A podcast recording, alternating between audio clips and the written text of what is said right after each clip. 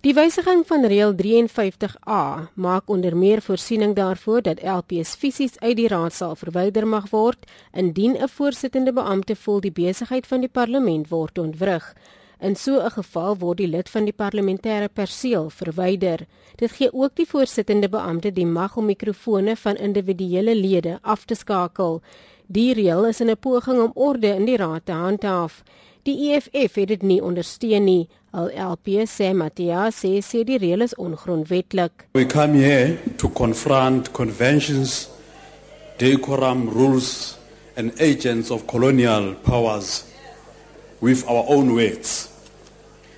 The democratic culture of parliament and the right to freedom of speech and to be heard is under threat and we shall fight this attempt and threat and this fight will be fought, lost, and won in struggle.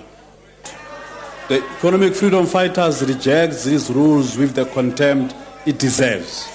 Maar die DA se hoofsweep John Steenhuisen meen reëls voorsien 'n struktuur en stabiliteit. Uh, we can't have a situation ever in this parliament where it is where the, the level of debate resorts to who can shout uh, the loudest, who can chant the loudest, who can drown out speakers loudest. That's not a facilitation of debate. And the nation looks to us to address and resolve the issues that face South Africa.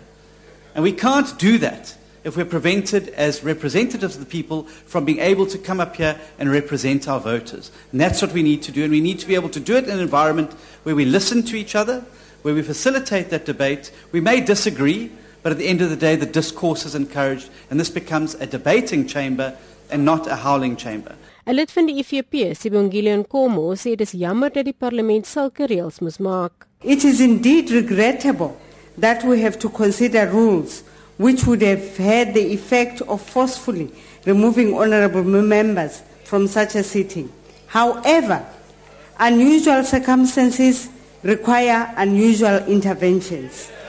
As the IFP, we support the decorum and dignity of the sitting being upheld at all times.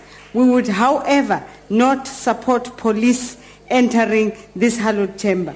Alhoewel die UDM die wysiging ondersteun het, is al LP Nqaba Kwankwa bekommerd oor die veiligheid van LPs.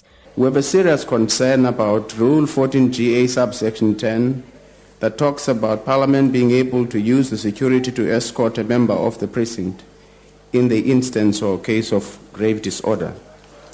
This matter was raised uh, in the Joint Rules Committee last week, Thursday. And the concern was about the safety of members in the event that they are taken out of Parliament and they can't come back to their offices. Um, I think it, put the, it puts their lives at risk. But in all in all, it's all about balance. We have a responsibility to make sure that Parliament runs efficiently. Maar die ANC se Nyami Booi sê daar is 'n manier verlede om homself later te verduidelik. The subcommittee can be created that could be able to deliberate and look at the environment and be able to talk. If there's an incident taking place within the House, definitely so when we are deliberating as committee members, it will always be difficult that within that violent moment for you to be able to make a decision. You should be taken out and be Honorable taken out Booi, of the precincts so that you time could be able to deal with it properly. Thank you, Chair. Dit was die ANC LP Nyami Booi, Zalene Merrington, Parlement.